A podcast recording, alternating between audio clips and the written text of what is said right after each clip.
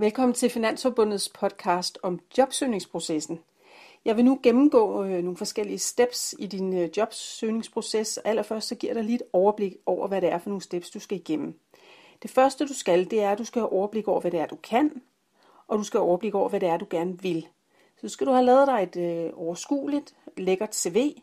Du skal have opdateret din LinkedIn-profil, og du skal arbejde strategisk med dit netværk, eventuelt supplere med et netværk og kort – Øhm, du skal have lavet øh, nogle gode jobagenter på, øh, på øh, hvad hedder det, job, forskellige jobdatabaser, og du skal have skrevet ansøgninger, og mm, sidst af alt, så skal du lære af ansøgningsprocessen.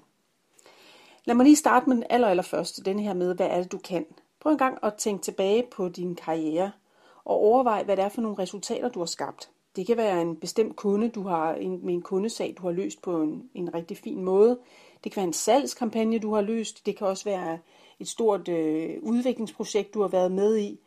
Øhm, tænk tilbage på, hvad det egentlig var, du gjorde, og hvad det var for nogle kompetencer, du bragte i spil. Det kan du bruge som input til at finde ud af, hvad det egentlig er, du har af styrker.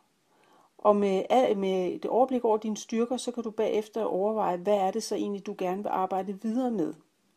Og der vil jeg altså foreslå dig, at du holder din, øh, din søge, dit søgefelt så åbent som overhovedet muligt.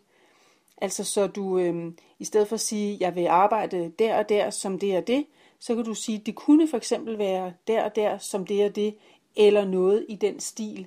Fordi øh, der kan jo ske det i din jobsøgningsproces og i dit arbejde med dit netværk, at du faktisk opdager nogle stillinger eller nogle virksomheder, som du simpelthen aldrig nogensinde har hørt om før, før eller har overvejet. Og så er det jo rigtig ærgerligt at have låst sig alt, alt, alt for fast. Når nu du har overblik over det her med, hvad du kan, og hvad det er, du gerne vil, så øh, skal du i gang med at have lavet dig et øh, fedt CV med et øh, godt billede på. Et CV, som giver et godt overblik over dine kompetencer. På Finansforbundets hjemmeside, øh, der, kan du finde, der kan du finde inspiration til, hvordan du laver et godt CV. Det kunne for eksempel være det, der hedder et funktionsopdelt CV. Der er også nogen, der kalder det for et kompetence-CV. Og fordelen ved det CV, det er, at det giver en potentiel arbejdsgiver et hurtigt og godt overblik over dine kompetencer. Når du har lavet dit CV, så kan man sige, så er det jo egentlig også forholdsvis nemt at gå ind og lave, opdatere din LinkedIn-profil, sådan at den også bare bliver top-tunet og øh, rigtig god. Og hvis du også gerne vil have inspiration til det, så kan du hugge dig op på Finansforbundet Karriere, som er Finansforbundets LinkedIn-community, øh, hvor vi har øh, 2500 af vores medlemmer inde allerede. Så der kan du gå ind og se, hvad gør andre, og der må du gerne sådan stjæle med arme og ben og tage fat i det, som du synes virker rigtig godt og, og fedt på dig, og så kan du bruge det over hos dig selv. Det næste i din proces, det er, at øh, du skal arbejde strategisk med dit netværk. Og der kan det være en god idé, at du øh, laver et netværkerkort. Et netværkerkort er fuldstændig ligesom, hvis du lavede et øh, visitkort. Det er der bare forskellen på et visitkort, hvor du præsenterer din virksomhed, så præsenterer du dig selv på et netværkerkort med foto og dine kontaktoplysninger og ikoner for, om du er på LinkedIn, Twitter, Facebook osv. Og øh, på bagsiden, der skriver du sådan en branded tekst om dig selv. For eksempel om du er en, øh, en øh, omhyggelig talknuser, eller om du er en sprudlende salgsmedarbejder, eller hvad du nu er. Og nedenunder den her branded overskrift, der highlighter du 5-7 vigtige kompetencer, dine styrker, fuldstændig de samme, som du har over på dit CV. Det her netværkerkort, det kan du så bruge, når du er ude at netværke, sådan at du har det i baglommen og kan udlevere det hos øh, interessante, spændende mennesker, du taler med, potentielle arbejdsgivere. Så kan de nemlig nemt få fat på dig, hvis der lige pludselig opstår et job. Det her arbejde øh, med at arbejde strategisk med dit netværk, det øh, vil jeg give dig opskriften på nu. Inde på din LinkedIn-profil, der har du formentlig en hel masse connections. Det er ikke sikkert, at du har alle dine øh, connections liggende på din LinkedIn-profil. Hvis du ikke har det, så kunne du jo starte med det. Så vil jeg gerne invitere dig ind i en, en lille øvelse. Den går ud på, at du kigger alle dine connections igennem, og så håndplukker du 5-10 af dem ud fra et eller flere af de her tre kriterier, som jeg fortæller dig nu. Det ene det er, at det skal være øh, en person, som øh, sidder i en position, hvor de har indflydelse. Det kunne være en direktør, det kunne være en konsulent, det kunne være en HR-partner, det kunne også være en bestyrelsesformand eller lignende. Og eller det kan være en person, som øh, du vælger ud, fordi vedkommende har et stort netværk. Og eller den sidste del, at personen har noget viden, du kan bruge. Det kunne være viden om en konkret virksomhed, det kunne være viden om, hvordan man lægger et foto ind på en LinkedIn-profil, eller hvordan man laver en fed video, hvor man præsenterer sig selv osv.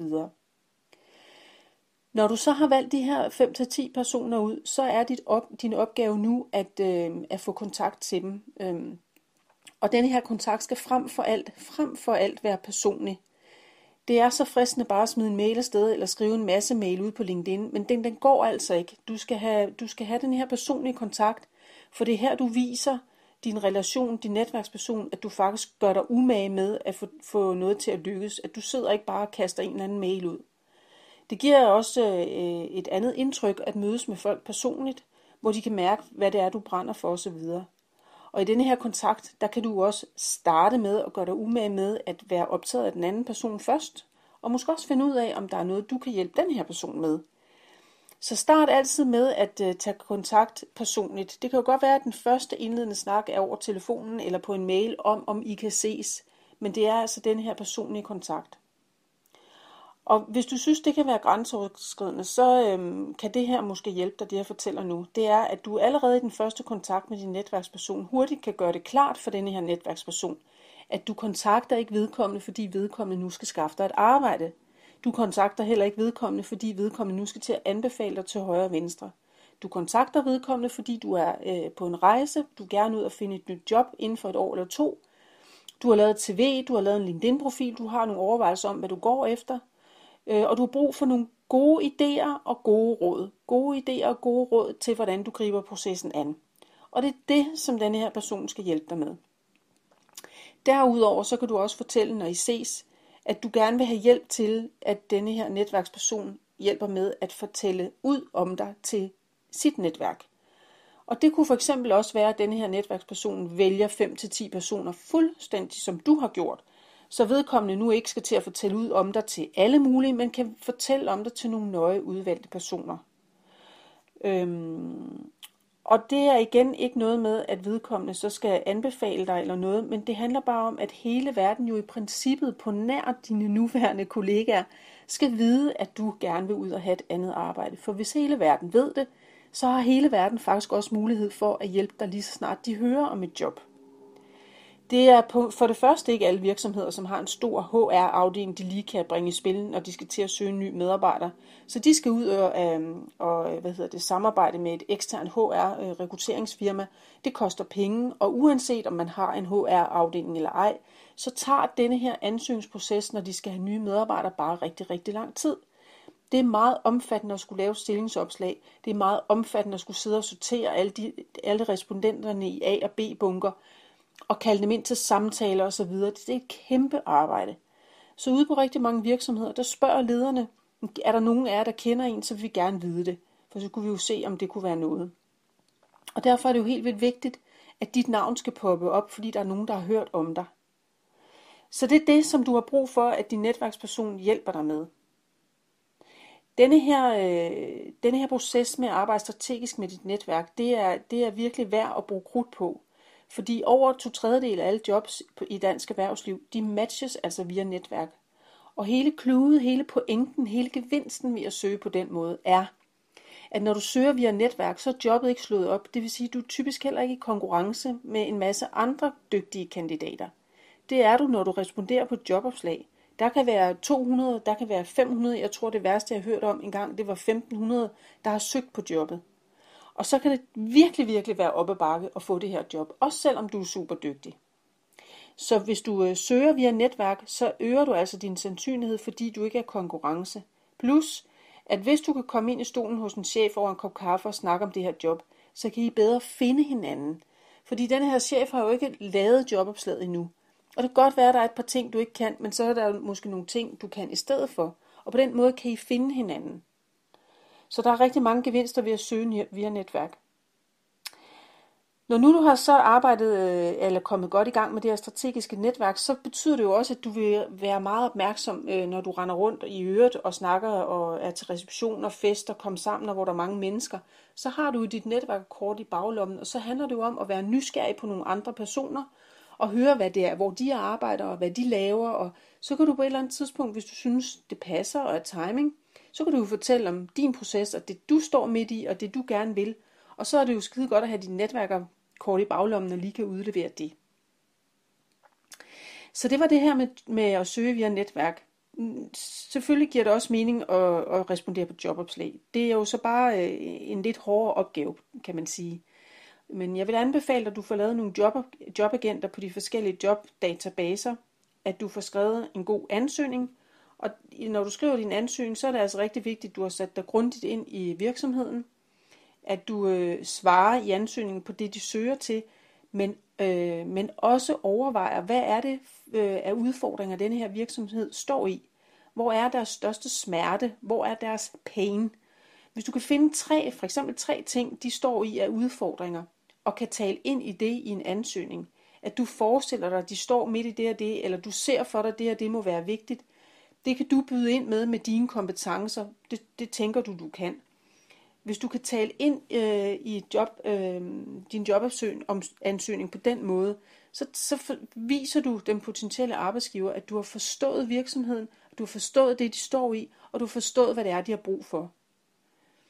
Og så husk, at din ansøgning, det skal jo ikke være en gentagelse af, af alt det, der står i dit CV. Så alle de her data om, hvad du kan osv., det kan de altså finde derovre. Den aller sidste pointe, det er det her med, at du øh, hele tiden lærer af den proces, du er i. Stop op og reflekter, hvad er jeg især blevet klogere på? Hvad er, det, hvad er gået op for mig? Hvad er jeg sikker på, at jeg kan fremadrettet? Og hvad vil jeg have fokus på at justere? Så det var sådan lidt om hele jobsøgningsprocessen. Altså, hvad kan du? Hvad vil du? Lav et øh, fedt og overskueligt CV. Opdater din LinkedIn-profil. Arbejd strategisk med dit netværk. Suppler eventuelt med et netværkerkort. Ha' nu fokus på at starte med at være nysgerrig og hjælpe andre, før du beder om hjælp. Husk, at når du beder om hjælp, så er det til gode råd og gode idéer. Du skal have hjælp til at få din netværksperson til at fortælle ud om dig til hans netværk. Søg også på den ordinære fasong. Lav nogle jobagenter på de forskellige jobdatabaser. Skriv nogle gode ansøgninger, hvor du taler i maven på virksomhedens behov. Og så sidste pointe, lær af din ansøgningsproces.